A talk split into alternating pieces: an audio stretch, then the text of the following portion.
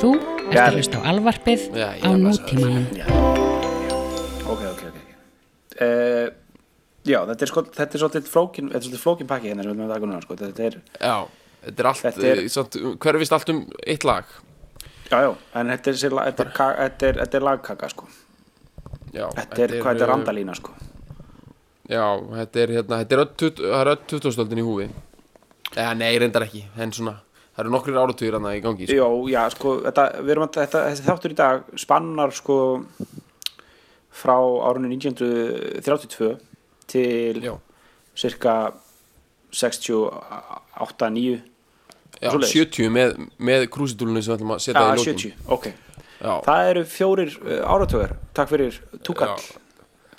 Já, innilega, og allt uh, og þetta lag var um, já, á topnum eða þú veist ekki endilega vinsættalista topnum en svona þetta lag var uh, að banka fast á dyrnar uh, á öllum þessum áratugum.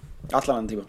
Það var, það var, því var haldið heitu Það var þetta Það var ylvolt inn á milli sko En því var haldið heitu einmitt, Svona í það heila sko.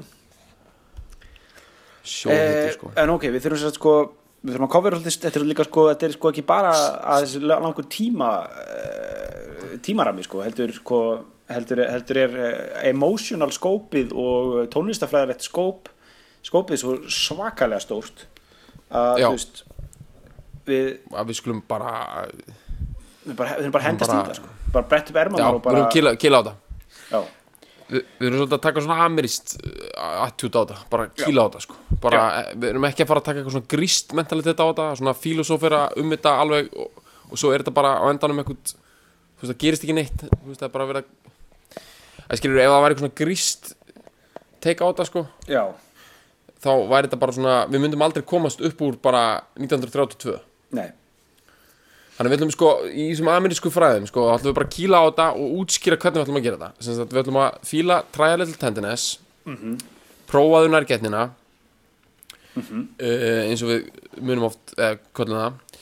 Bara um, um, mík, prófaði mýktina, verður mjúkur. Já, verður mjúkur. Já, um, Tjekka á mjúka manninum í þér. Já, já, um, við, ætlum að, að byrja á að fí, hlýða á og fíla það með Frank Sinatra. Old, Old Blue Eyes. Já, Já. uh, Hoboken, New Jersey prinsinum. Já, King of the road. Já, og Top of the Hop, eða hvað það var. Við ætlum að byrja á honum. Já, Svo ætlum við að skella okkur í uh, í uh, já, bakaða bönir og og, og kjúklingavengi sko. Já, og og já, fara í sól útgáfuna af þessu. Já, og þar var uh, Otis Redding fremstur í flokki með þetta lag. Og um, svo þannig að við þurfum að fara þessi við það og alla þá bylgju bara og, um, og Otis sjálfan og, og fleira og svo ætlum við bara að vera með smá krúsitúli í lokin og það er hérna mjög, mjög fræg uh, íslensk útgáfa á laginu. Já, sem við ætlum bara að hlusta á í lokin en hérna en, en samt það er gaman alveg að, að segja voru því hvernig Íslendingar náðu að kofura ég meina það við erum að, þú veist, við erum að taka við erum að taka Hoboken Irish Immigrant dæmið sko og við erum að taka já, Suðuríka uh, Soul Kitchen uh, gummileið og svo þurfum við að bara taka slátur líka sko. Takk sláttur Einmitt, það er að koma vetur og uh, nú er mikilvægt að blóðmörun sé uh, komin hún í fristi því að um, því að uh, já, það er uh, dagurinn er stuttur og, já, og bara blessið ykkur. Já þannig að við ætlum bara við ætlum, við ætlum að vera svo, hérna, hjóla svo beint í þetta. Við ætlum að hlusta á Frank Sinatra bara keira það já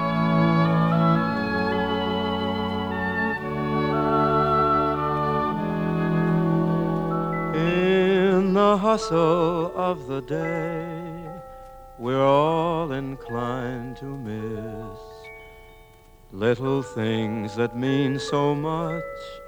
A word, a smile, and a kiss.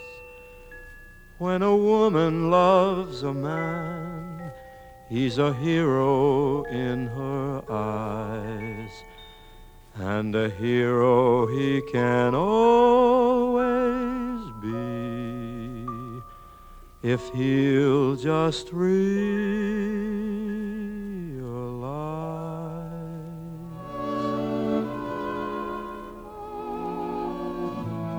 She may be weary, women do get weary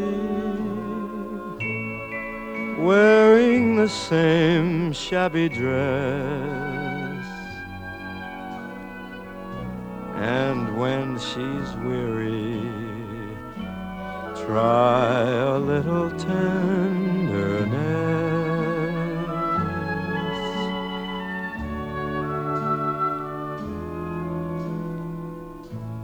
She may be waiting just anticipating things she may never possess. While she's without them, try a little tenderness.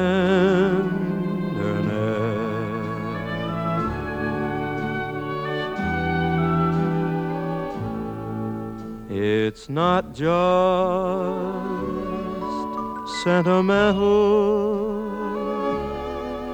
She has her grief and her care, and a word that's soft and gentle makes it easier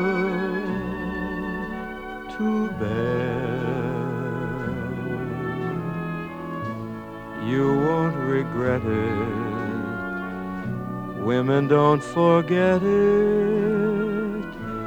Love is their whole happiness. And it's all so easy. Try a little tenderness.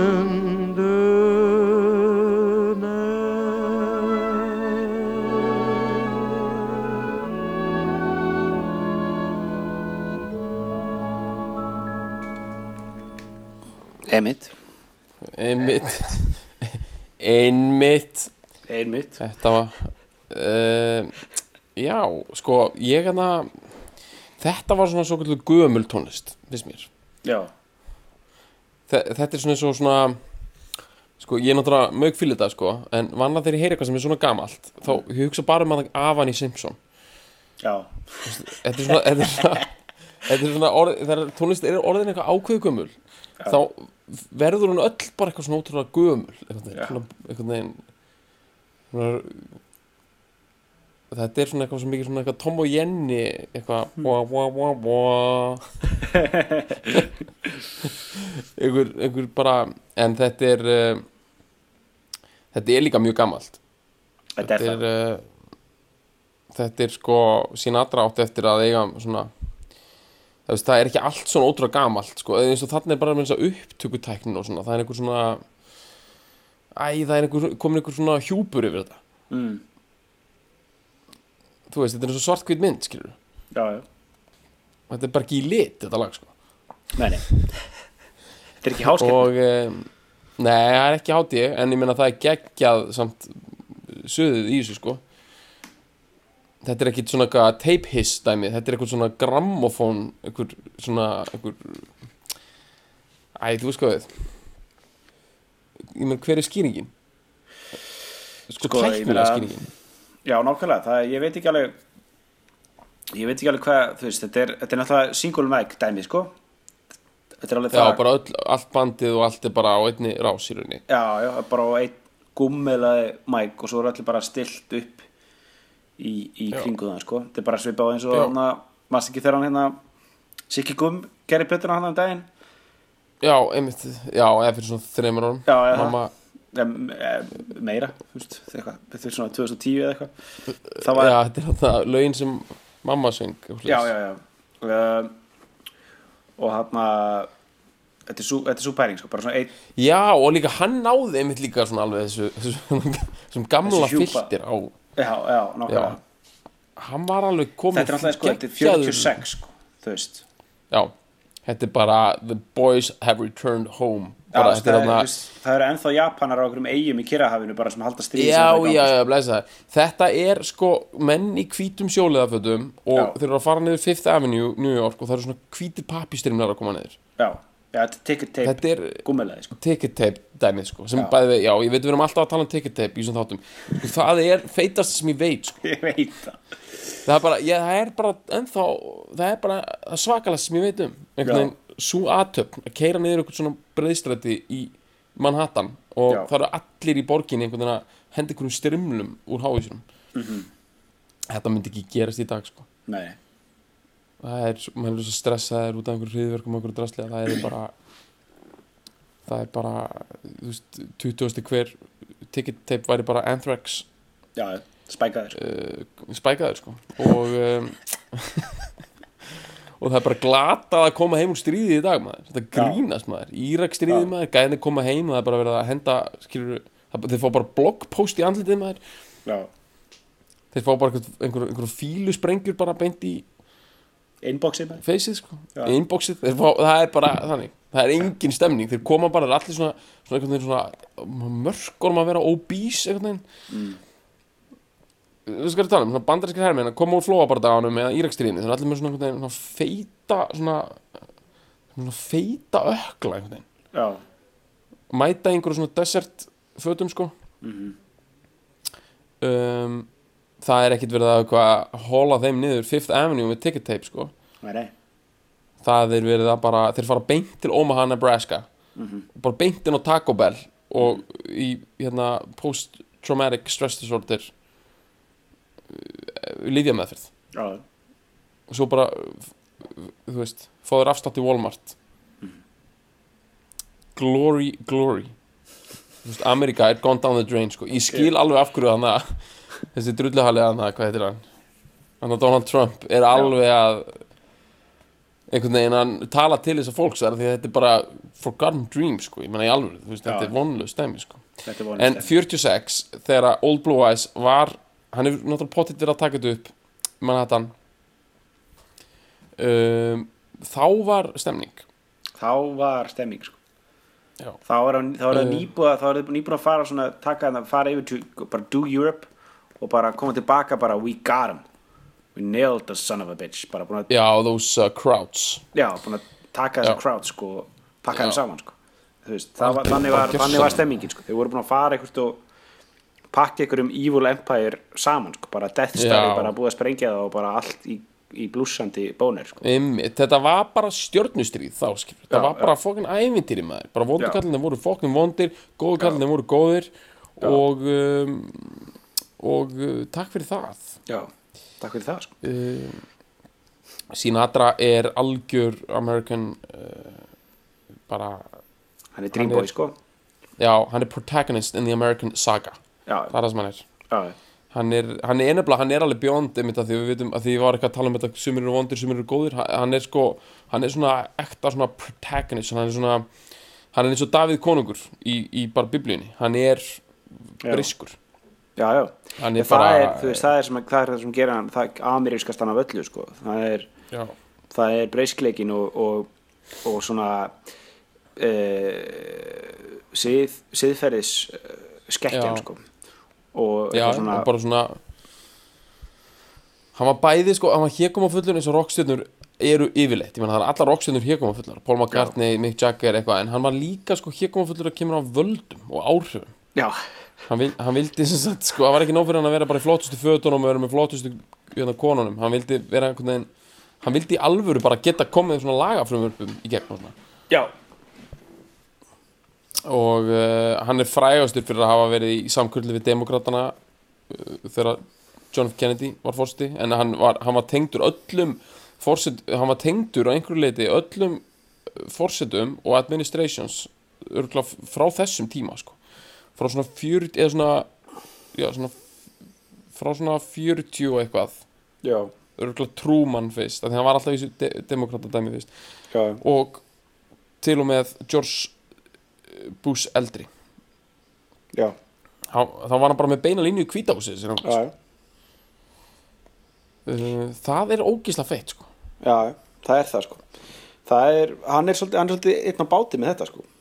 Já, ég held að Ég, er að- hef aðeins verið að stúdira þetta. Bob Dylan var vinur President Carter. Jaha, Já, hann, hérna, hann bara Þeir bara hittust sko. Þeir bara, Carter bara baðum að vera vinur hans. Já, já, já, og þannig að þeir hittust þannig að þú fórseti bandarækina þú, þú hittir einhvern gauðin sem Bob Dylan í hálftíma skilur, sendir hann í já. hvítahúsið og gefur honum te en það er samt alveg massíft valjú sko. Já, ég og, og smá Já, það er með, með spjaldinu, það er þetta tjóka já, og uh, Bob Dylan og Carter voru vinnir eða svona, þú veist, bara svona þeir, já, það, hann opnaði dyrna síðan til Dylan sko. Já, og svo er ég meina, ég veit ekki, örgulega Clinton og Dylan út af þessu uh, 92 hana, inauguration draslið hana já, já. Og svo er eitthvað núna engin- kjaftaði það var- eitthvað. En það var enginn í þessu sko þessu braski sko eins og, eins og Sinatra, þú veist, hann var nei, ég veit hann var alveg svona one of the gang með sko með Kennedy bræðrunum og, og því sko. Hann var alveg, það kannski aðalega sátími sko, Ke- Kennedy sko JFK Já, og, mest- og hérna RFK sko, þeir voru þeir voru í alvörunni, þú veist, þeir voru í ykkur djöfusin skítamakkeri í saman sko. Já, þeir voru tengdir, þetta var svo þetta var rosalega klíka, þessi gæjar að hérna, sem sagt uh, The Rat Pack, sem voru aðalega Sammy Davis Jr., uh, Dean Martin og, og Frank Sinatra Já, og var voru Peter, Peter Loffert, hann er í þessu sko.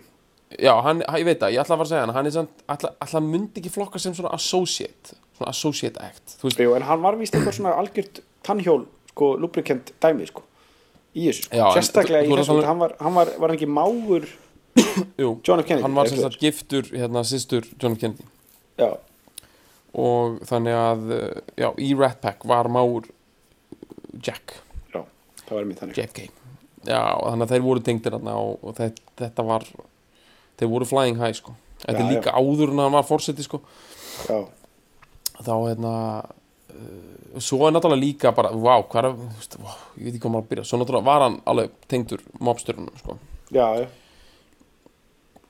og þeir höfðu miklu, miklu meiri ítök í Galanda já, ég meina þetta er orðin eitthvað svona eitthvað svona romantík og eitthvað svona dót núna sko en það er ekkert grína sko um, uh, þú, þú, þú, í stuttumáli er þessi saga þannig að uh, hérna, allríki bandarækina náði ekki tökum á skipulaðari svona federal glæpastarfsemi fyrir með þessum hérna RICO, þetta er ekki það? RICO Act. Það já, er þá sem þeir fengu í fyrsta skipti sko bara heimildir fyrir allar þessar símhleranir og allt það drast. Mm. og hérna svipað eins og sko Patriot Act á að fara á móti terroristunum sko. Það voru svona umdeld löggjöf sem að fór gegn skipulari glæpastarfsmi og þetta er svona eitthvað sem byrjaði sko 60 og eitthvað. En ég held að þetta RICO Act og allt það dót hafi ekki verið tilbúið bara fyrir 80 og eitthvað eða 90 Mm. en fyrir þann tíma þá var, var bara bandarækina og bara rosalega mikla hagsmunir í bandarækinum stjórnað af nokkrum fjölskyldum sem skiptum þessu völdum. Eftir bara þessar, þessum pælingu sem er búið að glorifera í, glorifera í, í bíómyndum sko já, og náttúrulega Frank Sinatra eða svona gaur sem er ins- inspired af honum kemur fyrir hann í byrjun á Godfather 2 sem syngur í brúköpunu já, og það er alveg bara það þykir vist eitthvað svona hafa verið alveg bara beint í mark sko, súper Já. sko. hvernig hérna uh, já, bara uh, mafían hjálpar honum við að gera góða samninga og hann launar þeim greiða með því að svona svolítið legalisera svona ákveðna aðtáni sem þeir gera já. Ég held Sko- að það hafi svona verið meira svona, svona hvað segir mér, svona patron patron saint, sko, eða svona eins og, eins og Fíbóttir vendari, þú veist, eitthvað svona Já. þú veist, svona þannig, eða svona, svona public fígúra bara með því, þú veist, ég held að hann sko, veist, Frank Sinatra hafi ekkert meint verið sko involveraður í neina beina glæpast sem eða jafnvel ekki beint vita af henni sko, en meira bara svona e, bara það að hann var í Vegas a, að performera í, á hótel hótelunum þeirra, Já. þú veist og uh, að koma fram í einhverjum fundraising á þeirra vegum og svo leiðis gaf þeim bara einhvern stimpil til þess sko bara sko, ekki náttúrulega fyrir sko uh, lögregluna og þannig heldur meira bara svona almenning sko það, það gerir svona og náttúrulega hjálpa til við að glorifæða og svona romantísera þetta shit sem þessi gaur voru að gera skilur, gera þetta einhvern veginn glamurs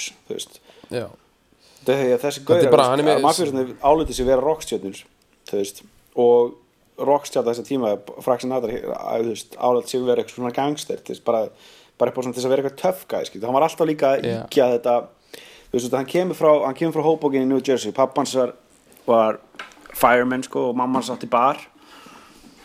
Og þú veist hann, hann var alltaf, hann, veist hann kemur alveg frá svona alveg ágætlega stæðir í fjölskyldi ekkert eitthvað fáránlega en hann vildi alltaf meina að hann hafði þú veist bara grown up on the streets bara verið bara þú veist að einmitt.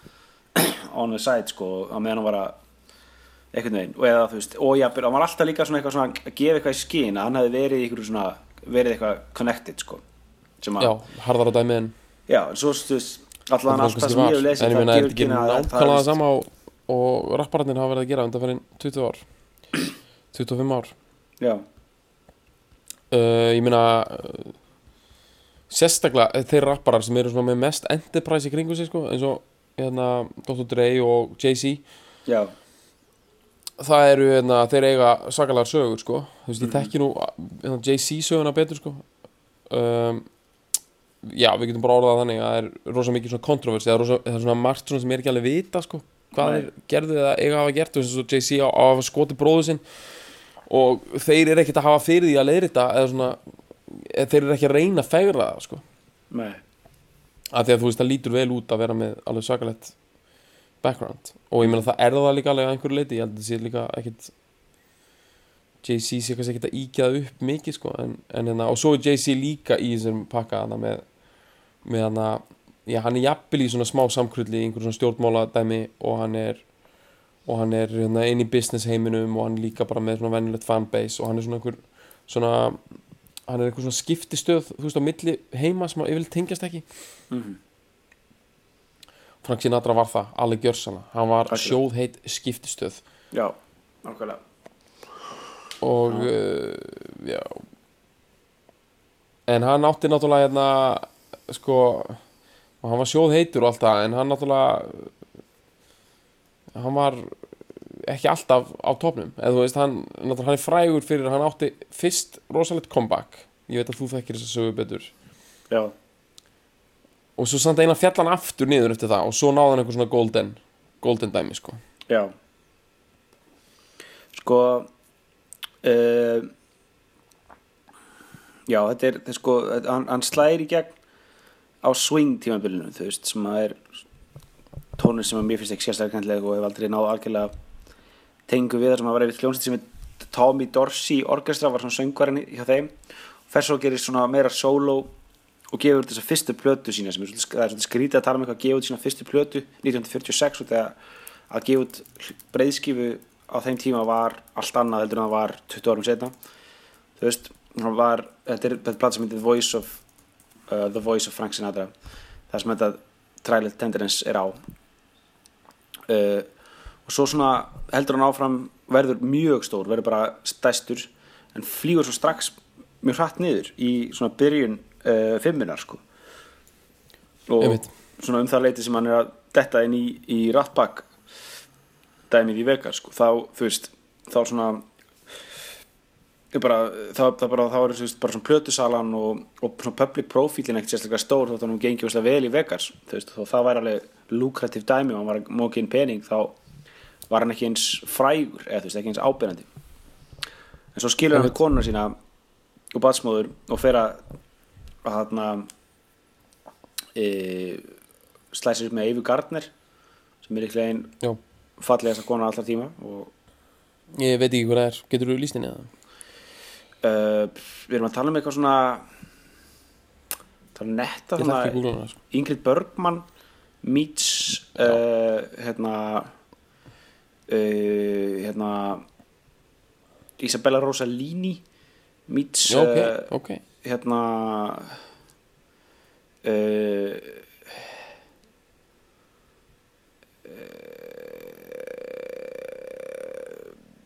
Meryl Streep já, ok, eitthvað svona klassi hérna, já svona ok Kim Vi- Bain fi- uh, og eitthvað elegans elegans sko. Já, þetta Elegans, er, geð- en finnst þér ekki leðinlegt sko með hérna kvikmyndastöðnur að það er hérna, þú getur verið heitast að kveimtastjarna allra bara í heimi. Það gleymast allir. Já, þú veist það gleymast allir. Þú veist ég bara hverjum er ekki sami um þetta fólk núna ég er með kenningu sko. Ég vil meina að kveimtastjarnur gleymist hraðar en tónlistamenn ok. Uh, ég meina kannski ég, veist, ég hef sj- sjálfur svo lítinn áhuga á gömlum kveimtastjarnum þú veist það eru einhverju gauðra sem voru alveg sjóðandi heitir bara in 70s maður er konar alveg sami um það núna skilur já. Það er alveg satt, veist. Bara veginn það er kannski eins og bara, ég held að bara kannski það tengist í að bara að formið sjálft eldist ver, skilur, einhvern veginn. Ég- já. tækni framfærir og svona, ég veit ekki, veist. Við horfum miklu færri veist, myndir frá, frá úr sexunni heldur en ég hlusta á músík úr sexunni, sko. Já, algjörlega. Ég meina, tökum sem dæmi Leikar eins og John Voight hann var, hann var ekki bara heitasti leikari í heiminum bara svona, þú veist, fekk örgulega hann fekk örgulega meira borga fyrir bíómyndir heldur en margir aðrir og var örgulega bara topp A-list leikari svona 1970 heldur var hann líka, sko, hann var líka þótti cool, sko. Hann leikir svona cool arti svona cool myndum með substance. Og hann var alveg wicked og bara hann var alveg öllu, þú veist, hann var í social lífinu og, og þetta veit ég bara því ég einhvern veginn, bara hef kynnt mér það, ég, hef ekkert sko, ef ég myndi hitta hann í dag ég, ég myndi bara vera eitthvað, ok, hann er bara eitthvað gammalt kall þú veist, ég, ég myndi ekki einu sinni að tala við hann sko. nei, nei, nei. en á meðan ég myndi hitta einhvern sko tónlistamann, þú veist, ég myndi hitta Neil Young eða eitthvað, sem var svona álíka Riding High, þú veist, 1970 uh, þá myndi ég sko þá myndi ég uh, þá myndi ég krjúpa sko. Já, eða, eða sko, hann var bæðið við sjötugur uh, fyrir þreymur dögum. Eða ok, fyrir einhverjum dögum, eitthvað, það er þessi þáttur fyrir lótið það var uh, stemningi við því enn í Kanada sko. Já, ekki? Jú, smá, ég sá bara eitthvað svona það var myndir á hann eitthvað, eitthvað svona plötubúðum og eitthvað. Já, Nei, ég bara, veist, ég, meira, ég er að taka hansinn dæmi mér sem, sko, ég meina, hann er ekki einu svona kannski besta dæmið, ég er bara að tala um einhvern veginn þú veist, 1970 var John Voight örgulega miklu frægari, skilur og um, og bara einhverju gaurar. Og einhvern veginn núna, ég veist, eða væri svona málþing og var eitthvað, já, John Voight mun tala eitthvað, þá væri ég bara svona ah, ég veit það ekki, nefnir ekki vera það.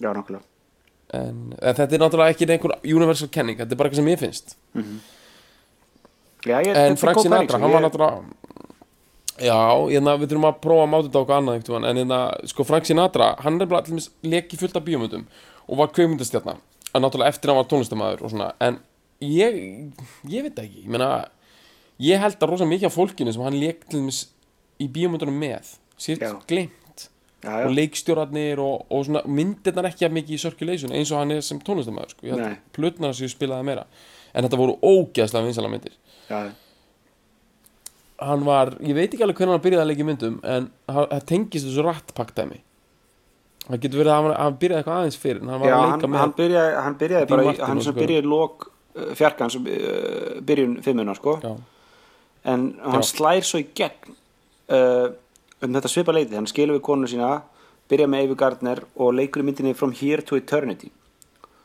Já, og fær stittu sko. Hann fekk Óskarinn já, hann hefur hérna hann hefur, það hefur verið búið að semja um hann sko. Já, hann er búið, já, já. Ég hef pælt svolítið í það þessu. verður eitthvað fengið eitthvað tilbúið sem hann gæti ekki hafna sko. Það er svoleið sko. Já. Það er bara einhvern veginn það hefur bara verið ákveðið að hérna að þetta er þannig sko. Já, hver var það aftur? Æ, ok, þól ekki þegar ég er með eitthvað svona hálfkláraðar. Það var einhver gaur sem að ætlaði að gera skjöfmyndastjarna og hann vildi ekki gera það nema hann væri viss um að hann myndi fá Óskarinn. Var það Michael Jackson? Hver var það aftur? Nei, það var Elvis. Við vorum að tala um þetta. Það var Elvis. Byrju hvað? Elvis náttúrulega var kjöfmyndastjarna, ég veit það en hann var svo þreyttur á að vera alltaf í myndum sem að í bjömyndum já, Þannig að hann var alltaf að láta á The Colonel Hann var alltaf að láta á The Colonel koma Herru, núna vil ég fá handrið Það sem ég mun fá Óskarinn. Og þessir gaurar, þeir eru ekki að grínast Þeir voru í alvöru að reyna að vinna þá að vinna bara. já, Skilur, þetta var sko hérna, Þetta var í lok sexunar.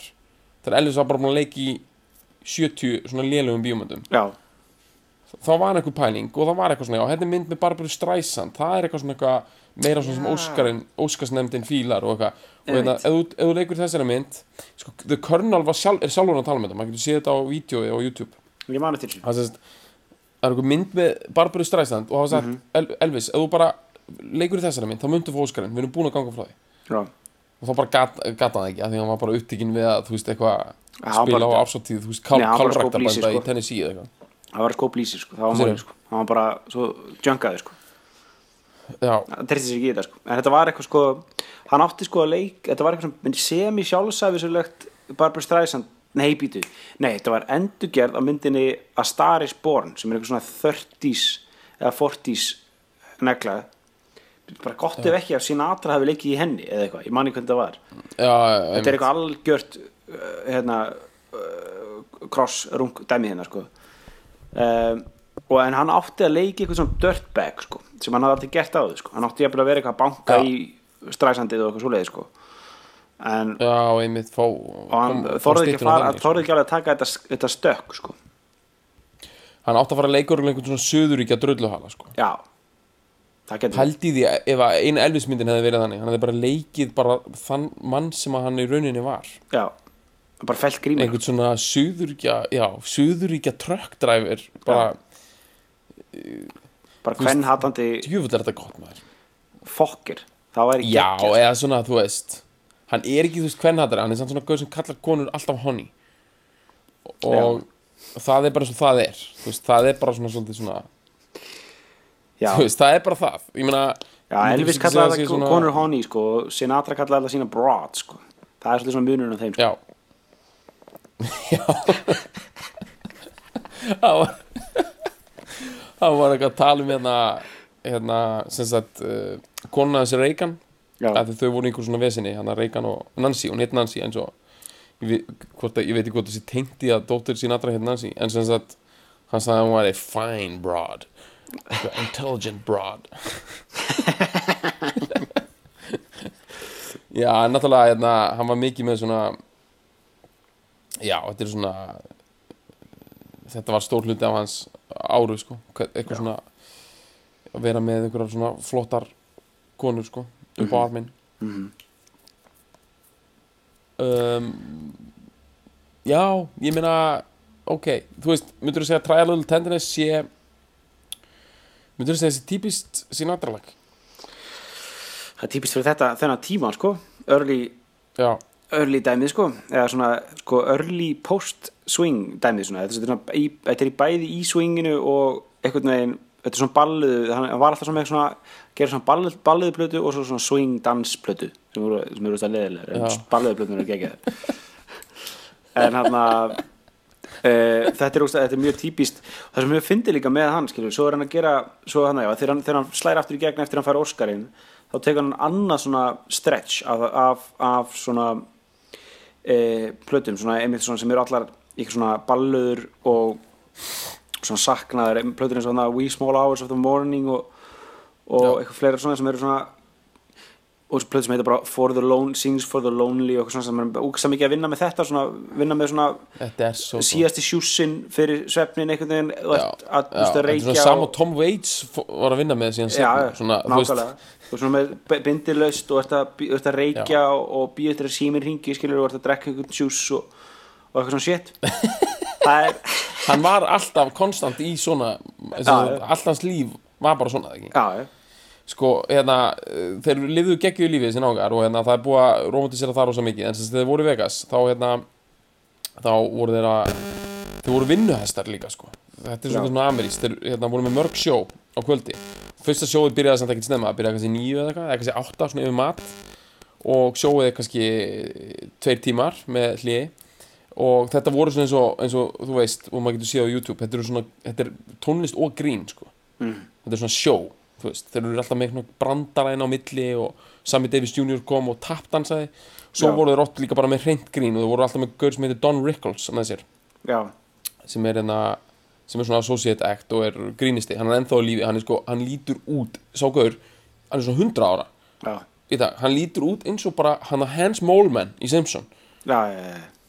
Nefnum hann er ógslag quick sko, hann er ennþá að djóka. Hann var bara Jimmy Fallon bara fyrir viku og var bara að rósta allt liðið sko. Aha, Og já, en nema að þú veist, hann er samt orðin svo gamall að hann bara veit ekkert hvað hann er að gera lengur sko. Nei, hann er bara eitthvað, þú veist, hann er svona að jæðra við það hann að vera að segja trommuleikaranum í bandinu bara eitthvað, eitthvað svona rasista brandara sko. Já, feitt en uh, já, bara þetta er ótrúlega mikið þannig grín sko. Hann er geðingur, þetta er allt ótrúlega mikið eitthvað svona a Jew walks in and an Italian says hey what are you? And uh, your name is Mosandre Mosandre. And I have a haircut Joe hey. Svona, þetta er eitthvað svona brandara sem allir voru þá bara, ó, vá, hann heldur þetta maður. Eitthvað svona eitthvað svona racial brandarar 50s Já, hann sagði að hann og Sinatra á þeir þeir voru fimm síningar á, á kvöldi. Mm. hann lígur þessu örgla það segir, þú veist, 8-10 10-12 12-2 24, nei 12-2, 24 4-6 ha, er þetta satt? eða? Fjögur til sex. bara síðast sýningi byrjaði klokkan fjögur. Já, já, hann segi það. Þetta er Vegas, skilur og Já. uh, eftir það þá fenguðu sér alltaf morgumat þú veist svona geggjaðan, ég sér ekki þau svona kalla svona drikkjurúta túra morgumat Já, það sem svona görur fara ekki að sofa og fara beint í morgumat já, þetta er svona bara hérna bara mar margir gera. Jörundar special bara á prikinu kallað. Já. Ég hef aldrei mér er alltaf finnst þetta að vera eitt óurlegasta fyrirbæri sem ég veit um. Mm. ég skítrættu við svona dæmi sko. Menn Já. á vökunni, alveg gjörsanlega svo er það eitthvað að næra sig sko. stendir en búnir á því sko. Stórhællið algjörlega. Hann sagði sko að þeir hafi eins og niður voru svo stendir eftir morgumatinn sko að þeir hafi tekið flugvel, þóttu og flóið til Los Angeles og farið á sjóskið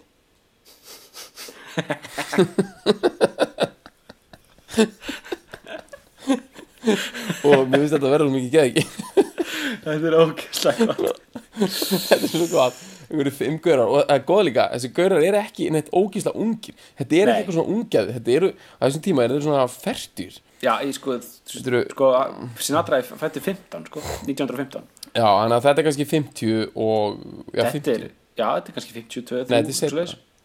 já, já, Já, já. þá eru þeir um, sagt, að taka 5 gig.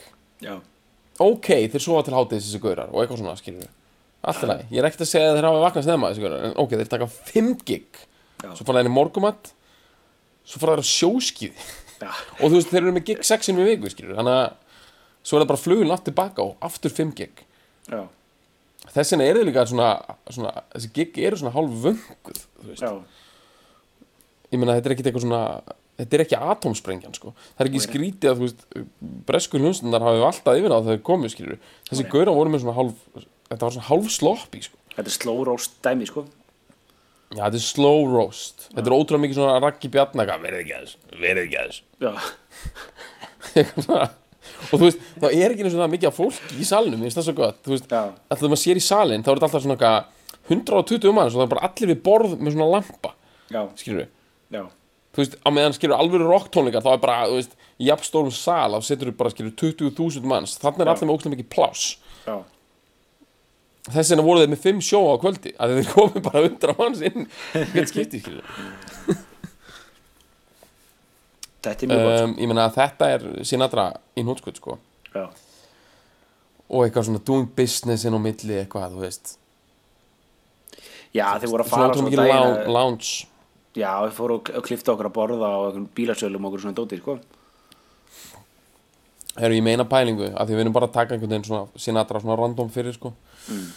Frank Sinatra fór í rosalega maga aðgerð 1986 ok, það var svakalega dæmi af því að hann var frægur fyrir það að hérna, það var aldrei fyrir aðanum sko. já, hann var hérna, algjör vinnuhæstur eins og við erum búin að tala um og hérna og uh, Dean Martin var búin að fá alveg svoleiðis hjarta áföllin og nýrna bílarinnar alveg bara, þú veist, skilur bara á miljón sko. Já, þú veist, Dean Martin er svona gaur sem bara, þú veist nú kemur svo stóri, skilur, og sprengitafla þú veist, bara, já, já, já. og, og það er svolítið svona saga þessara gauðra sko. Og þarna Sammy Davis Jr. var alveg hakkaði nági sko. Bara vantaði hann auga og eitthvað og var bara alveg tómurugli sko. En Frank Sinatra hafði alltaf bara verið stálslegin svo, svo var hann um illt byrjaði að vera illt, hann byrjaði að vera illt 1984 og hann var illt í maganum sko. Já, og hann bara kláraði, bara gig eftir gig bara tók einhvern world tour og eitthvað. Svo var hann gjörsanlega búinn að því sko. Mm. og, hann sagði, og þá var hann stattur á Spáni sko. og hann sagði að hann neitaði að fara til lækna á Spáni. Hann vildi bara fara til einhverja láta einhverja sko svakalega geðinga í New York kíkja á sig sko. Já, einhverja Eisenstein náunga sko. Bara einhverja Já. gauðra sem eru bara og uh, hann fór til New York og þeir kíktu á hann og þeir sagði, heyrðu, þú ert með hríkalagustu magasíkingar og bara klúður bara sem við höfum séð á æfinni sko. Já, hann bara, hvað er í mig, krabba er í mig, hvað er í mig þeir eru bara, þú veist, doesn't have a name sko. Bara, þeir voru bara þeir voru bara, you have a Sinatra. Já, þetta var bara þarmaðin og allt var bara allt inside out sko.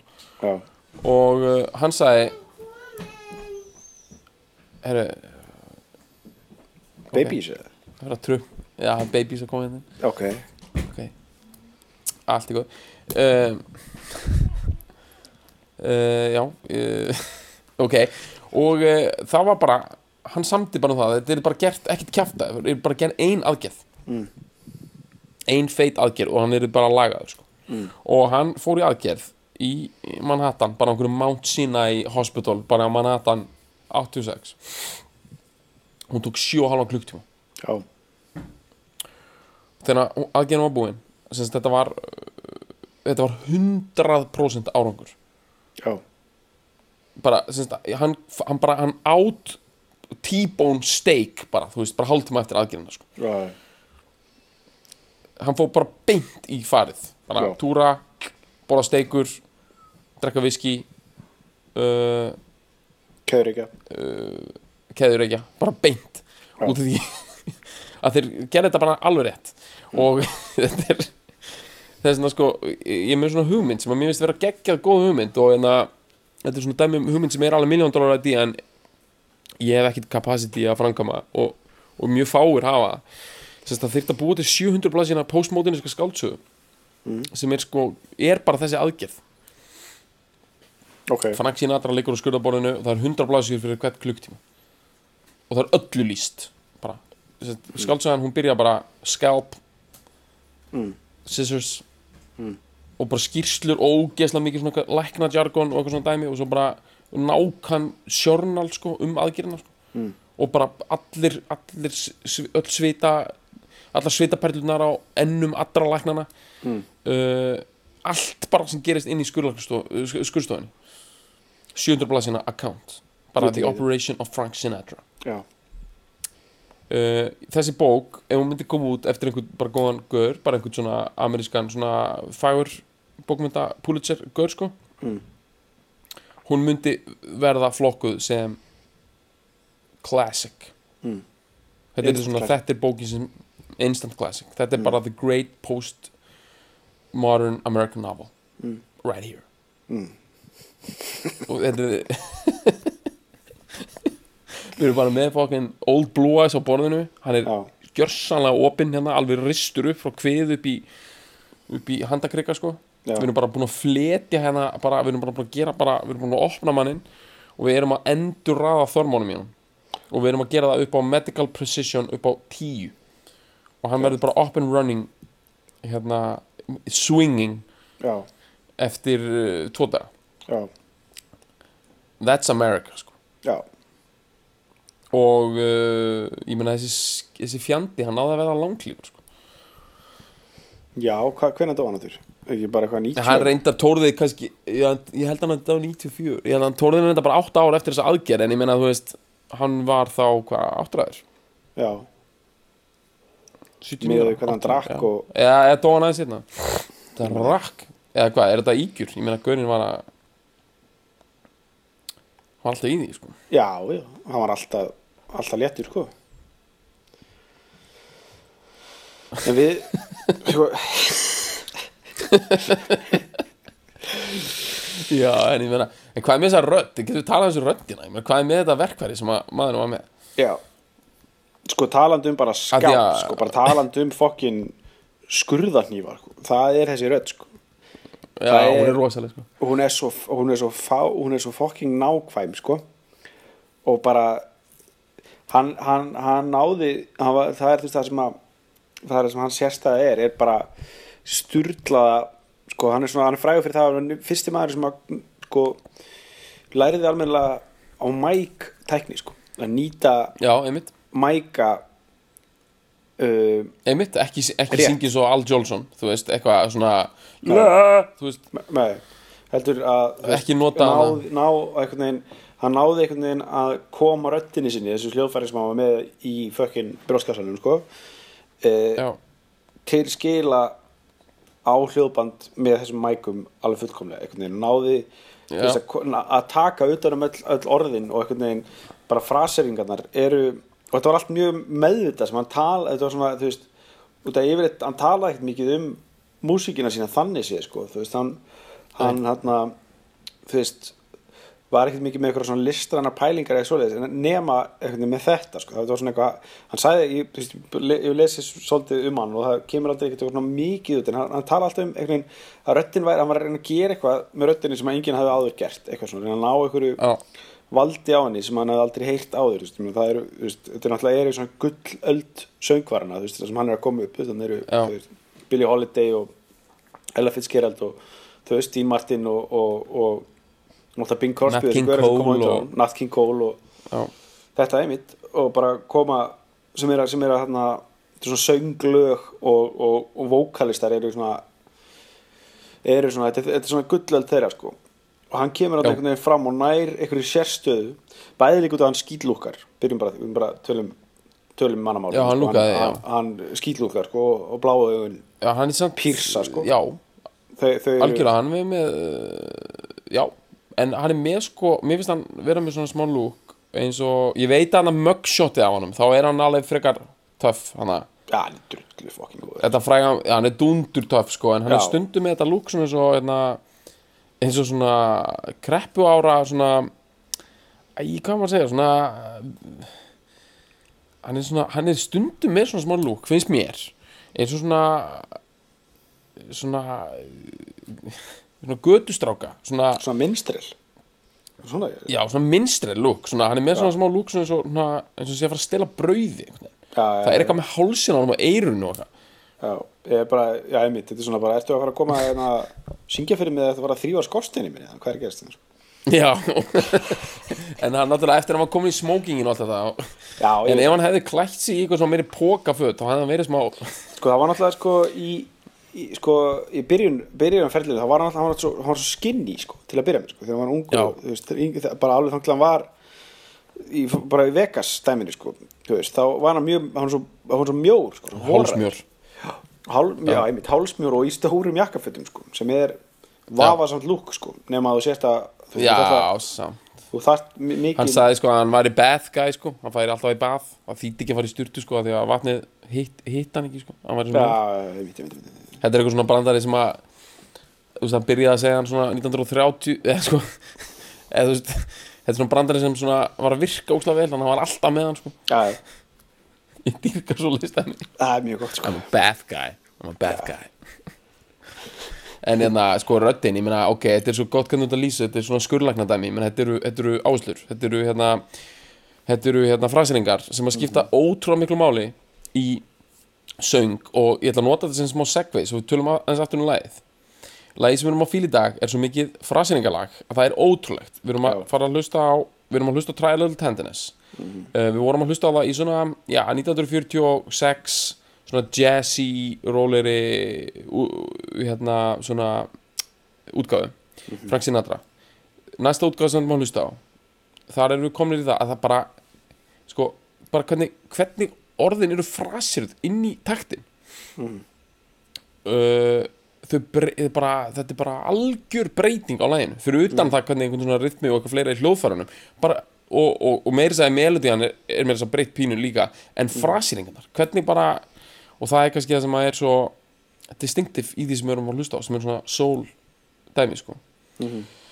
Og svo erum við að fara að hlusta á í lokin íslensku útgáðan á læginu þar sem að frasýringarnar eru það mikið öðruvísi að ég held að rosa mikið af fólki fatti ekki fram ennþann dag í dag að þetta sé sama lagið. Nei, nei. en uh, við getum fallað þá eftir. En ég meina, hvað, eigum að eigum að kvíla Já, kvílum aðeins sko, það, það geti alveg vel verið að við, við skoðum hann betur ekkert tíma setna en, en sko Já, bara ef við hérna yfir þessa bara tökum aðeins hérna ef við sko við erum að ég spóla fram, fram getum um tvo ára til já, ég meina þú veist við, við bara getum Við alveg getum náttúrulega nota lægið til þess að spóla okkur áfram Bara dundra því í gang og heyrum bara, hlustum á ég held að, ég held að við verðum bara við bara setja punkt við Sinatra hérna annars við getum að tala endalist um Sinatra skilur, maður getur endalist kemsa á Se- þeirri Segjum við eitthvað eitt, eitthvað svona random kjaftaðum Sinatra Bara í lokin, bara eitthvað. Eitthvað svona eins og andan skurðakinn Segjum við eitthvað svona kjaftaði ok, ha uh, ég með þetta ekki tjók Jú, ég meina, come on, ég meina, sko, þú veist eins og Sinatra Hann sagði sko, hérna Hann sagði sko, dyrka að vera frægur. Já, Bara elskaði það, sko. Og, og hann sagði, sem sagt, hann var búin að gleyma því eh, Hvernig er að vera frægur í bandaríkjunum af Því að hann var svo frægur að það var bara einhvern veginn hætt að gefa, sko. Já, þá fattaði hann að hann gæti byrjað að fara til, til útlanda. Já. Og þá fekk hann kikkið upp á nýtt sko af því þú veist það að vera að labba einhvers staðar í Fraklandi eða eitthvað. Þá heyrði hann svona fólk vera að pískra í kringu sig. Bara, Já, "Þú já, já. hvað, di, di, di." Já, og þá, þá sagði hann að hann að það hefði verið huge kick. Já, já, hann var bara að gera þetta bara 1992 sko. Já. Þetta er mjög gott, sko, ég mæli líka með sko einu sem að ég hendi ekki sem inn á Facebook, ég ætla bara að henda eh, Facebook síðu félags, setja aftur inn sko, það er grein sko Já, Frá það er svo 1966. sem að heitir hérna, þetta er svona groundbreaking grein í hérna í Gonzo blaðamennsku. í raun og veru sko, sem, að, sem, að, sem að heitir Frank Sinatra has a cold. Það var svona algjört breakthrough dæmi. Þetta var fyrir Life magazine eða eitthvað djöðlin og það er eitthvað svona ungur straight out of college gaur bara með stóra drauma fengið til að koma og taka viðtal við Frank Sinatra. Og nær honum á einhverju svona það sem hann er, eitthvað mojoið er ekki í gangi sko. nær honum þannig sko. Já. það er, þú veist, with his pants down sko. það er geggja dæmi hann er með, að, máli, og ástæðan, ástæðan fyrir öllu þessu er það að hann er með kvef sko. hann er með kvef hann er ekki tengdur í mojoið sitt sko. hann er hann er ekki jartengdur sko. hann er hann er fokkin, hann er príus bara með enga einstungu sko. hann er bara á hann er á slæmustæð sko. Hann er og, bara að tjekka á þessari grein hún ég er, verði verð að tjekka á þessari grein, það er ógeðslega gott bara ég, ég, hann orðar þetta miklu betur blaðamæðin sko, hvernig hann nær fávitanum sem þessi gaur var sko. hann nær kjarn, kjarnanum á þessu þessu, þessu dela sko, þessu litla nagg Ja, ógeðslega vel sko. þetta var drullu- drulludeli er drulludeli, sko. bara er drulludeli með skurðlækna vopn í barkanum já, og, og bara geggja takta og, og strategíu til þess að ná því best át úr því sko. já. En núna skulum við tjekka á hérna, hann er Archer. Við skulum tjekka á hérna halda ánum, Try a Little Tenderness. Já, næsta átgáfa Tri- Trial Tenderness. Spólum áfram 20 ár 1966 og hún kom til Memphis, Tennessee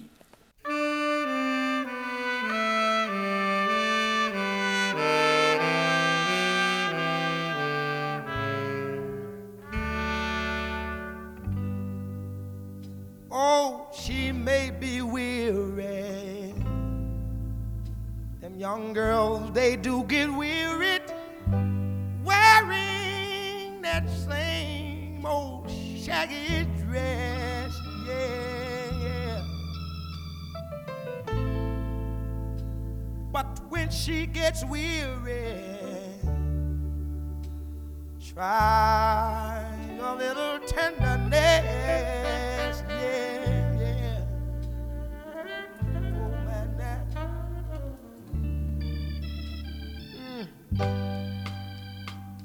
Know she's waiting, just anticipating for things that she'll never, never, never, never possess. Yeah, yeah. But while she's there waiting, and without them, try a little tenderness.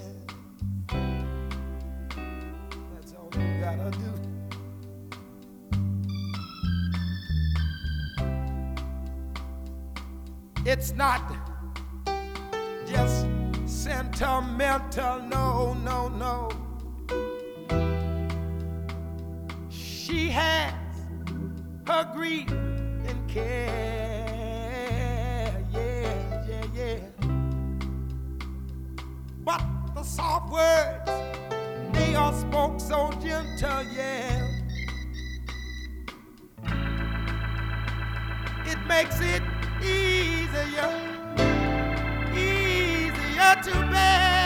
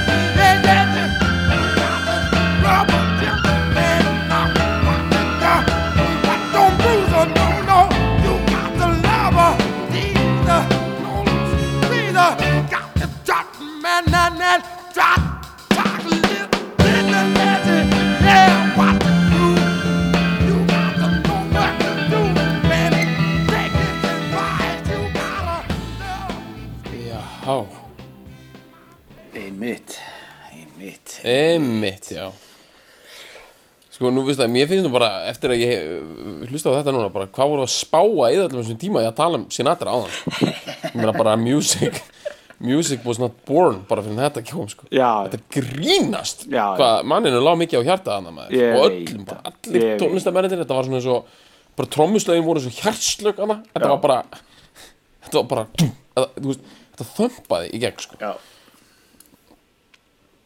hvað Ég veit ruggl er þetta samt, þú veist, þetta var þetta er, mér finnst þetta að vera svona eins og ég myndi lýsa þessu, nú ætlum ég bara að fara eitthvað svona lýsingar orða bullshit. Já, Mér finnst útgáðan hana mér finnst þetta að vera svona, svo, svona smúð rembingur.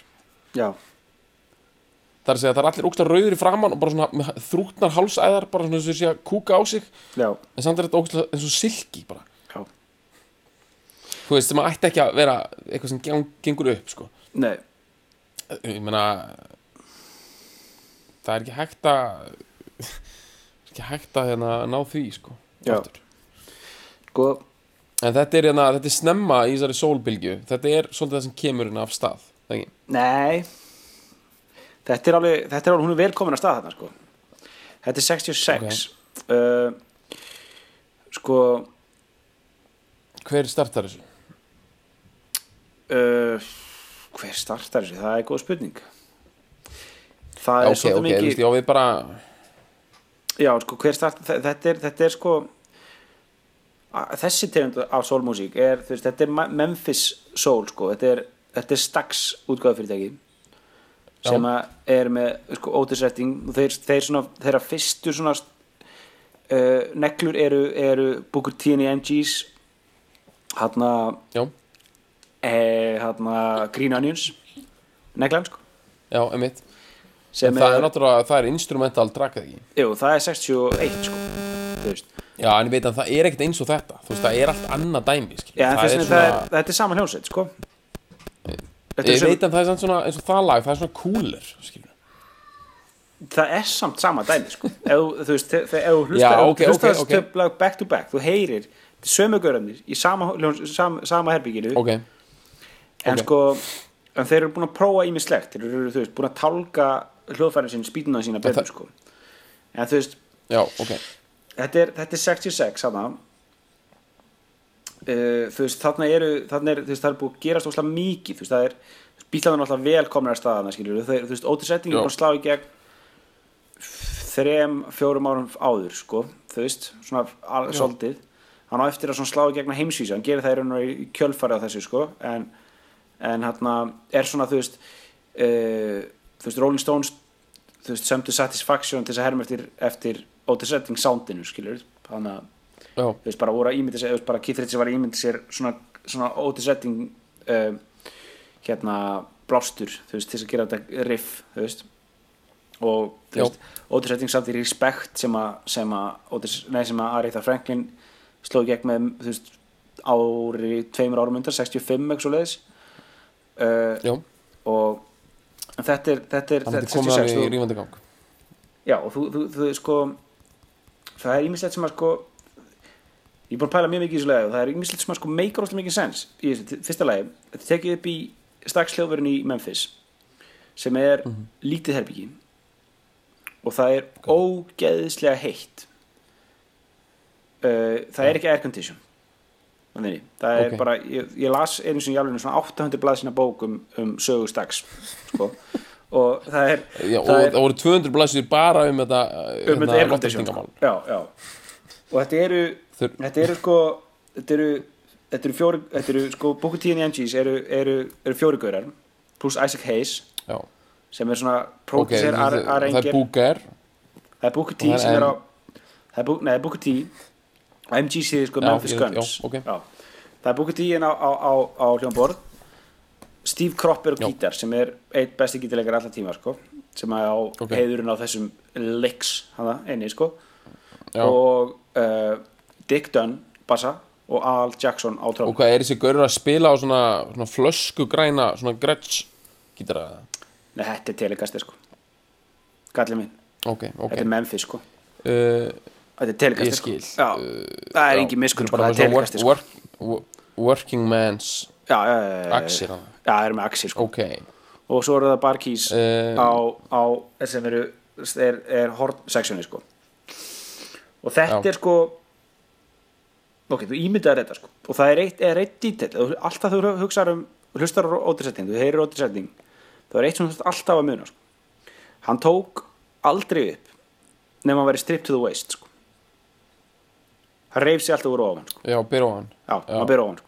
Það bara, hann gati ekki hana, hann svitnaði eins og bara göldur í sláturhúði sko. Hann var, hann bara svitnaði, hann var, hann var íþróttamaður hann var, já, hann var, var sko, hérna- fútbóli sko. uh, mikill skrokk, skrokkur hann, sko. hann var, hann var, hann var 1.85 á hæði sko, og yfir 100 kíló þú sko. veist að Marvin Gaye var líka svona, svona skrokk svona skrokkatýpa sko Já, Marvin Gaye var svona svona, svona gaur sem svona hefði einlega alveg geta orðið bara atvinnumæður í fútból já, og en bara ákvaða að vera sólsingar í staðinn sko. er feitt. Það er mjög sem er, já, spekveit sko. Ég dýrka svona einhvern veginn svona íþrótta sól dæmi sko. Já, það er oft þeir eru oft svolítið skrokkar þessi sólgörar líka þessir það, sko. hvítu sko. Hérna Joe Cocker skrokkur. Ég myndur ekki segja, hann, var, me- hann er meira eins og uh, þú veist uh, eitthvað svona ja, kannski eitthvað ekki en pub- eitthvað, já, já, eh, hann hefði samt getað spilað eitthvað svona svona kúluvarp eða eitthvað já, já. Já, hann geti alveg einhverju austantjáls kúluvarpari sko. já, það er hann ekki snöggur sko. nei, nei, nei, ekki snöggur. Hann er ekki snögg en hérna en, og líka hinn hana. hérna, hinn enski gurinn hana hvað, Mike Cup sem, að, sem var að taka st, hérna, tók upp með stöðumunum já, Long John Baldry. Já. Hann var líka svona feitur eða ekki? Jú, jú, hann var það sko. Hann var það sko já, já, er svona feitur og loðinn og sveittur svona sviti. já. og svo náttúrulega getum við ekki sleppt í að tala um bara, bara til að rétt klára ég meina að þetta lag var rosalega frækt aftur hérna 80 eða 1990 eða eitthvað þegar myndin The Commitments kom út. Já, einmitt, þetta var eitthvað svona klímaks atriði henni eða ekki?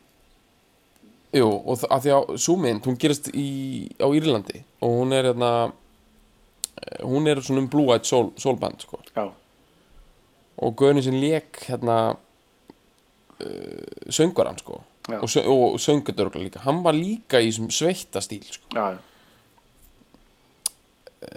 þú veist, það er eitthvað, það er eitthvað sem virkar við þetta lag eins og sé, menn sé ógæslega sveittir þegar þeir syngja sko þessa útgáðu, það er að segja já ekki Sinatra útgáðuna það er Nei. eitthvað svona, ég tengi þetta rosalega mikið við bara svita Já, það, það, er, það er málið, skilju, það, það er ógeðslega Já. heitt inn í þessu stúdíu mennum er Já. svo heitt og það er svo loftlust, Já. sko og þeir eru svo æstir, sko þeir eru svo æstir Já, þú veist, hann, hann Ok. Otis, hann er svo æstur það er líka það er, það er líka, það er þessu leið sko. þú hlustar vel á þetta sko. það, þú, þú, heyrir sko hann er sko, hann er, hann er, hann er svo mikil reyfingu sko. hann er, hann er að reyfa hausinn til og frá sko. og hann, það kemur fyrir Já. nokkur stöðum í þessum, þessu leið þar sem hann poppar það heyrir svona, svona, svona pophljóð þegar hann er að þegar, hann fyrir of nálagt mæknum sko, í bara æsinginum sko, eða mm. jafnvel, ég gæti jafnvel trúið að hann sé með handheld dæmi, sko, hann er að halda á kvikindinu sko, eða eitthvað. Hann er, það, hann er það æstur sko. og þú veist það eins og kom í ekki fram í bókinni þannig eh, ég man ekki hvort það var í þessu sko, hann var bara alltaf svona æstur hann var bara, þú veist, þeir voru bara Já, ég veit, ég er að tala um Já, þú veist, þeir eru, þú veist, það var bara hann var alltaf ógeðslega sveittur ösk, hann ösk og, þú veist þarna, þú veist, uh, brass útsetningarnar þú veist, eins og þetta lag byrjar á svona brass uh, einhverju svona kon- kon- kontrapunktískri einhverju svona e, súpu sem að hann og Já. sem Otis og, og Isaac Hayes uh, hnóðuðu saman nótuðu hérna Change is gonna come strengja, hana, strengja introið Change is gonna come með, Já. með, með Sam Cooke það er svona intro á því svona, sem svona, svona reffa og hann sko Otis hann öskraði alltaf útsetningarnar sko brass útsetningarnar sko. Þannig bara, þannig bara urnuðir eh, eh, unnuðir úr þessu veist, gerðu, gerðu þessu útsetningar bara hann svona, þú veist, bara söng þær á öss uh, á, á, á, á sem sagt uh, horn spilarinn og þá er bara blástusleikarana og þeir, þú veist Bara- unnu svo út frá því bara? Bí- æs- bara. Í æsinginu, bara öskan einhverja línur á þá sem þeir svo unnu svo úr sko. og Jú, það var að vera með góða samstarfsmenn ég veit, það er líka máli, sko. þeir eru gaurið sem búin að vinna saman úrstað lengi og eru allir orðnir her nánir, sko, og bara, þú veist Já, það ok. heyrist, það er bara hvað, þú veist, eins og eins og, eins, eins og sko, þegar, uh, rimshot dæmið kemur inn, þú veist, sem er aðeins Já. hraðar, heldur en það á að vera, held ég það kemur svona aðeins Ok,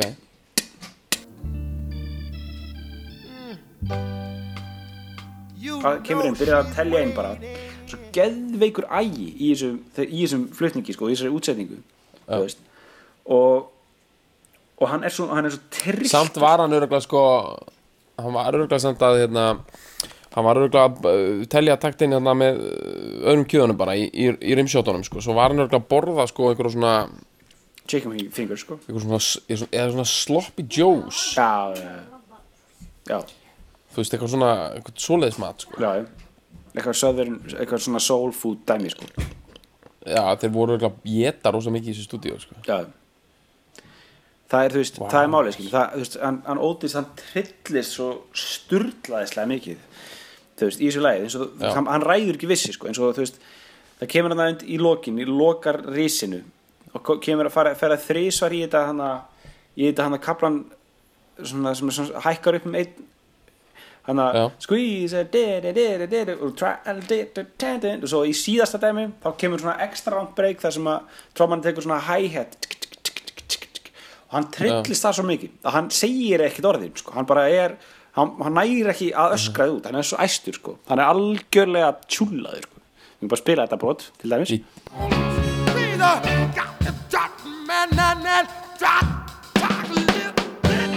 þetta er geggja dæmi sko. Þetta er geðveitt sko. mér er alltaf, finnst þetta að vera bara dæmi um mann sem gjör sann að klára sig þannig þetta er maður. Þetta er, þetta, þetta er fólk sem er að fíla sig og það sem er að gera svo mikið að það ræður ekki vissi sko. þeir, eru, sko, þeir, þeir eru svo æstir að það er styrla sko. heldur hann að fara á niðurtúr eftir þetta það? já,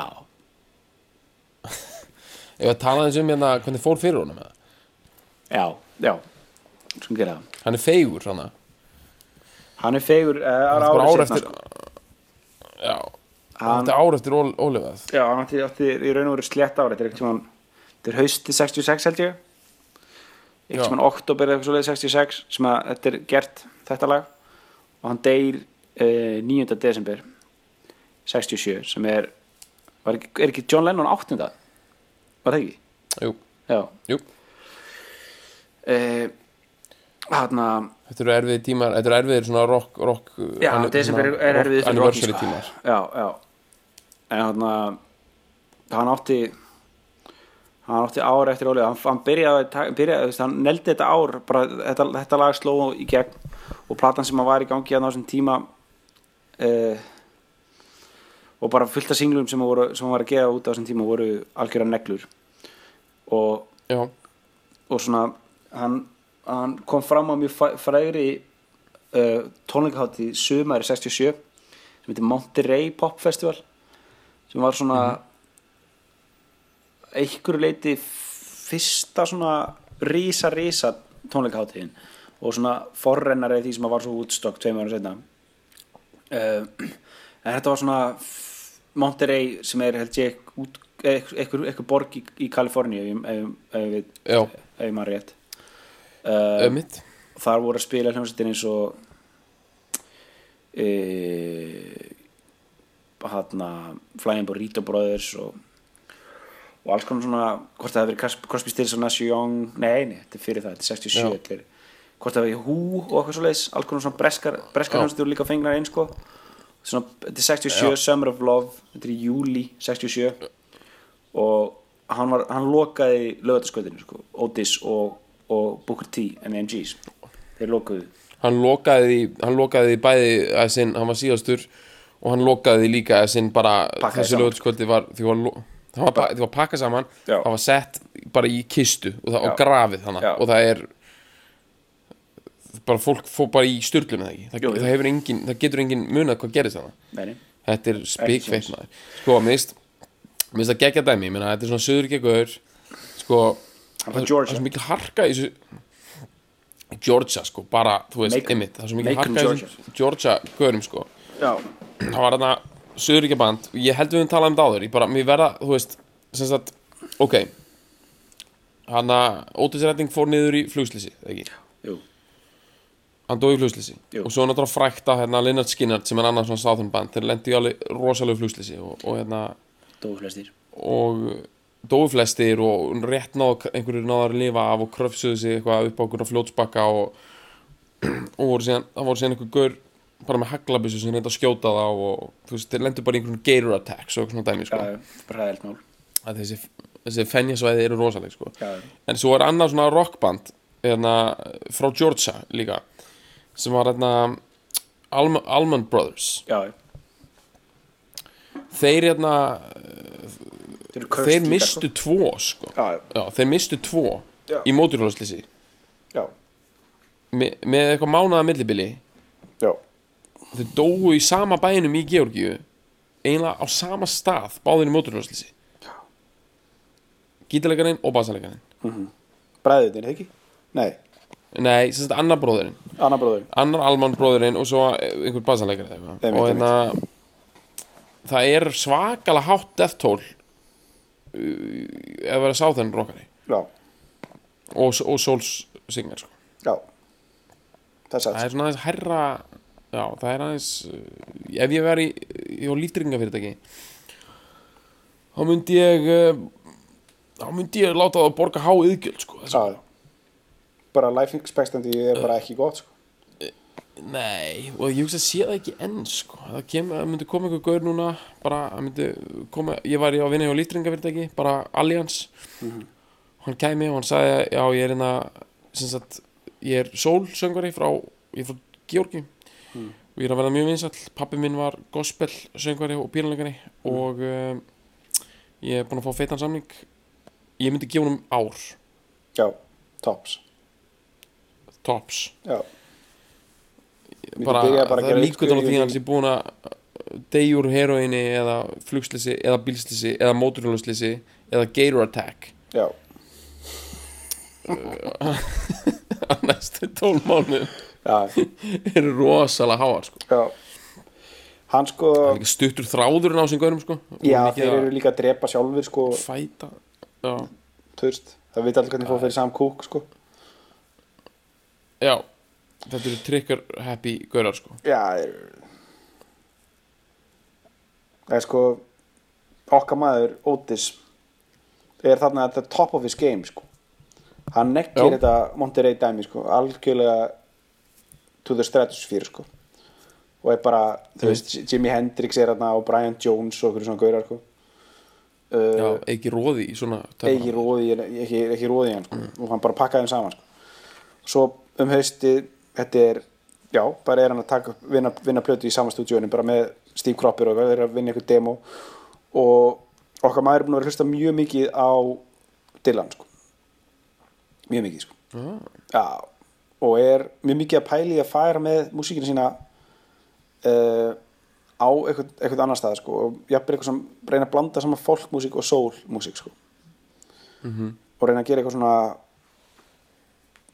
ekki beint sko hann talaði mikið um að veist, hann, ekki, hann er ekki mikið, som, hann er ekki mikið maður orðsins sko, þú veist, þegar hann er að semja sjálfur skilur, heldur bara tilfinningar sko, bara í sem fæstum orðum.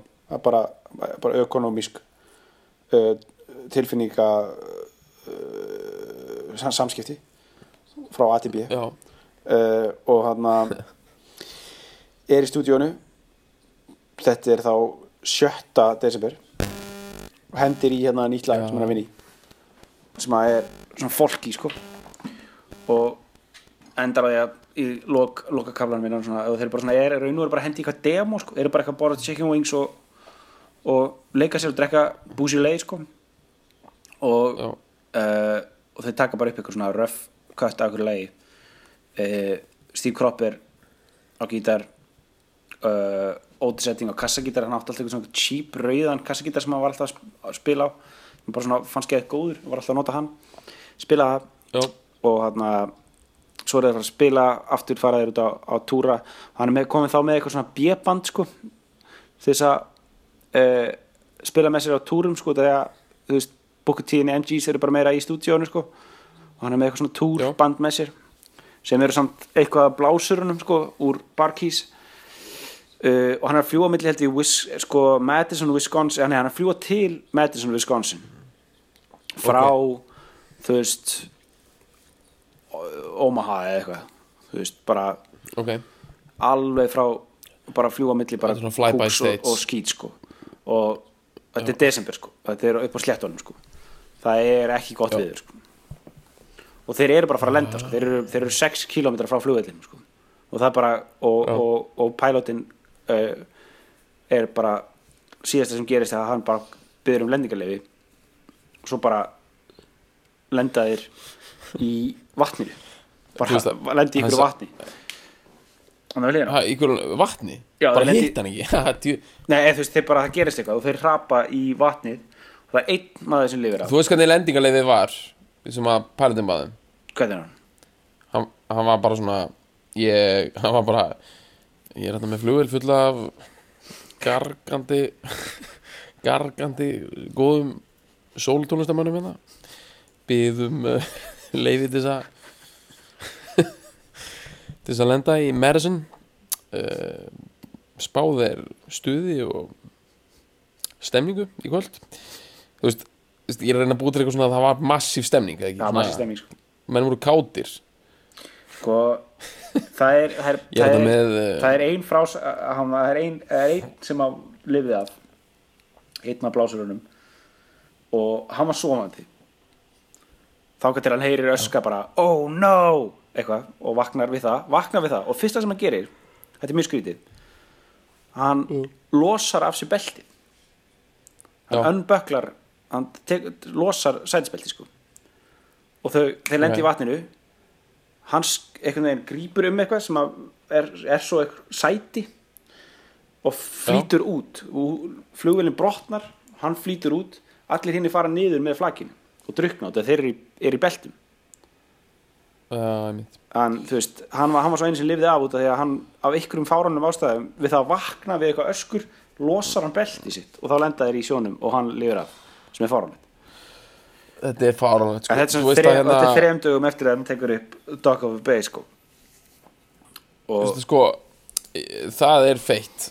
Og Það er eitt, bara stærsta lægið þess Sko, talandi um flugslis veist, Ég er stundum vakandi á nótunni Ég gerði þetta meira áður og að lesa um flugslis Ég bara lesa um flugslis bara stundum byrjaði bara klukkan 12 á minnati og ég bara lesa um flugslis til klukkan 8 á mótana og ég er ekki bara að lesa um eitthvað svona flott glorious flugslis Nei, nei. ég er bara mjög mikið að lesa rannsóknar nefnd flugslisa já, ég bara les um íslensk flugslis bara frá 1998 skilur, bara svona uh, ég les allar skýslunar bara einhverja sessnur að og já, já, stundum, ég meina það degi ekki alltaf einhverjir, stundum verið að lesa í alveg um eitthvað sem kalla flugatvik það er bara þegar að flugular er eitthvað svona nálgast hvort aðra of mikið og eitthvað.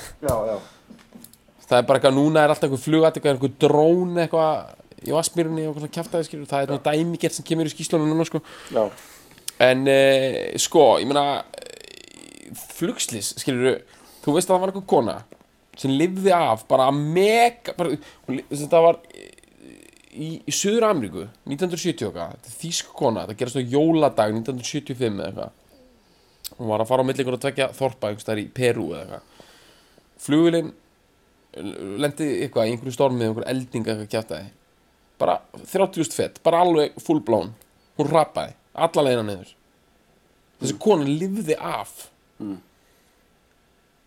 Og það, það getur enginn vita hvernig hún lifði af. Það er bara, það er ekki hægt að vita. Sko restin af flakinu var að sósu. Já, þú veist, hún var það bara svona tóró svona tóró mixi, skilur þú veist bara, þú veist, hún, bara, þú, þú tekur það bara og setur vatn, skilur Bara- og bara saltkjöt og bönir gleðli jól, sko. Já. Saltkjöldabunni, trú katt, skilur það var restin af flækinu, nema þessi kona hún bara var í einhverju sæti, bara ströppuðu eitthvað sæti bara í einhverju, einhverju coconut tree. Já, bara far away from civilization, sko, þetta er svona þannig dæmi líka, hún bara Já, vaknaði og var bara what the fuck, sko. Já. Og bara, þú veist, hún bara sildi niður eitthvað fljót og skilur, var bara með einhverjum ættbálkum og einhverjum svona rugli, skilur, og komst bara til byggða viku setna, skilur, og fólk er bara, ok, shit. Ok, bara, já. Þannig að, þú veist, þessi gaur hefur lent bara í einhverju s- þannig, sko. Já, já. Þetta var eitthvað Ég meina, algjört og frík svo er- dæmi sko. Þessi gaur sé ennþá á lífið, maður. Massið Survivor skildi í gangi, maður. Já, bara alltaf þegar hann heyrir Top of the Bay, þá bara kjökrar hann, sko. Já. Það er svakari, Það er ódýrst detail í, refsing, sko, það er einhver svona það var sko detail í sko. Það var ósindur sko sjálfur maðurinn sko. Hvað hann heitir og sko hann var ósindur flaut bara einhvern veginn. Og flaut bara út af hann held sér í að púða sko. En hann var ósindur að hann gat ekki bjarg, hjálpað hinum sko. Þeir voru ekki, þeir sökki ekki beint sko. Þeir voru að sökkva í nokkra mínútur sko. Þetta var Já, þeir voru að taka svona Leo DiCaprio já, já, já, já. Þetta var algjört djöfusins viðbjöður sko. Já, þetta er algjört klúður sko. Já. En þetta uh, Þetta er uh, Sko, herru, já, það er eitt sem er svolítið sorglegt sko. Kaltanislega meira Það bara að segja það. það já, ok, já, Já, hann er bara ári frá því að ná hann að 27 klubnum sko. já, hann er 26 sko. Hann er bara ári frá því að starta Já, hann bara ári frá því að starta honum. Hann hefði, hefði startað honum sko. já, já, hann hefði, hefði gert það Hann hefði startað honum að því að hann er að 26 klubur sko, 26 hann er líka 26 klubur er góður líka sko. Nick Drake, sko. Hverjir eru í honum? Nick Drake. Og hverjir fleiri? Ég veit Já, ekki, en bara ok, hann, er, hann, er, hann getur alveg verið svolítið stærri sko, Já, en, hann getur en, verið góður, hérna, en 27 klúburinn er að því ég nenni ekki ykkur svona sko, það sem er verið að stækka hann eitthvað of mikið. Hann Nei. er bara það eru bara nokkri meðlumir í hann það er bara það er fjórir. Joplin, Joplin, Morrison, Morrison. Hendrix og Kurt Cobain. Já, ha, já, jú. Samþyk, þú ekki ég Cobain eða? Ég samþykki en Cobain þú samþykir ekki Amy Winehouse?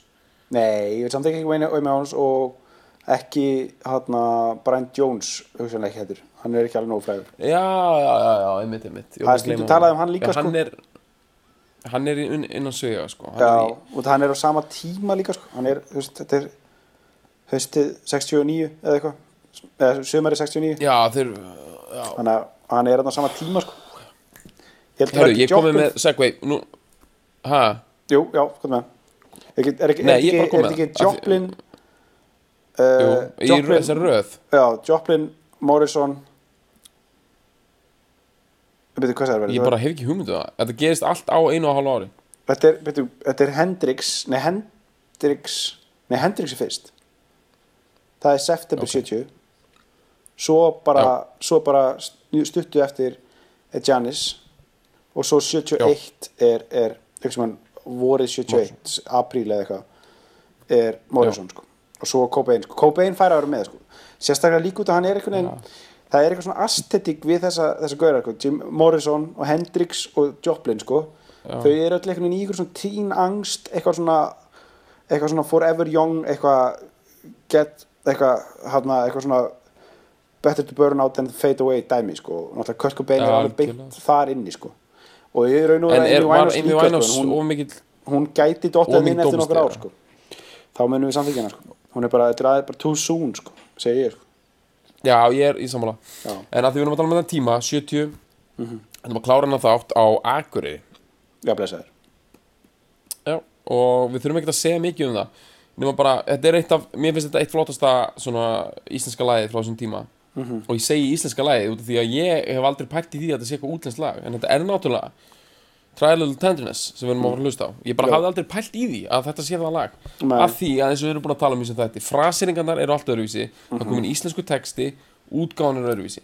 Þannig að við erum að hlusta á Sinatra við erum að hlusta á Otis Redding og nú erum við að fara að hlusta á Akureyrs take á þetta. Hljónstin Mm. heitir Rooftops og þetta var soulband og ég meina, það, ég er ekki að tjóka á Akureyri 1970 það, það, það sándaði vel sko, þú veist fólk getur tjekka líka á hérna hérna hljómsveit Ingimars Eidal að taka hérna eitt Neil Young lag hérna, eða Cro- Crosby, Stills, Nash Young lag. Já, nei það er það er Neil Young lag, hvað tóku þau eftir? eða lína Þú átti, þetta á, er á, þetta á vínil Já. það er spikfeitt sko. Uh, það er líka frá svona cirka 70 sko. Já, það dæmi sko. Já, og ég veit ekki, ég menn, í alveg þeir voru að gera ógislega góða tónlist. Eða svona sem sándar ógislega vel sko. Já, já, og Rooftops var, ég held að hafi verið bara svona þeir hafi skilgrind sig, sem soulband en þeir varu örugglega líka bara ballband. Þeir tóku bara, þeir voru bara að spila þú veist, hverju helgi, bara taka lögin sem voru vinsalast á hverjum tíma, en þeir voru svona að taka soul-lög mikið því þau voru vinsæl. Já, og þeir tóku þessa útgáfu af hérna, Try Little Tenderness af því það var bara vinsalt lag til þess að taka. Mhm. gerða það með íslensku texta söngvarinn í þessu heitir Ari Jónsson. Og hann er með hann er með, hann er með silki. Já, algjöra silki klút í uh, barkanum. Og uh, hljóðfærleikarnir eru góðir. Það er stemning í loftinu á Akureyri 1970 algjöra, og uh, þeirra útgáfa heitir Söknuður. Og við ætlum að enda þennan þátt með því að hlusta það. Gerum það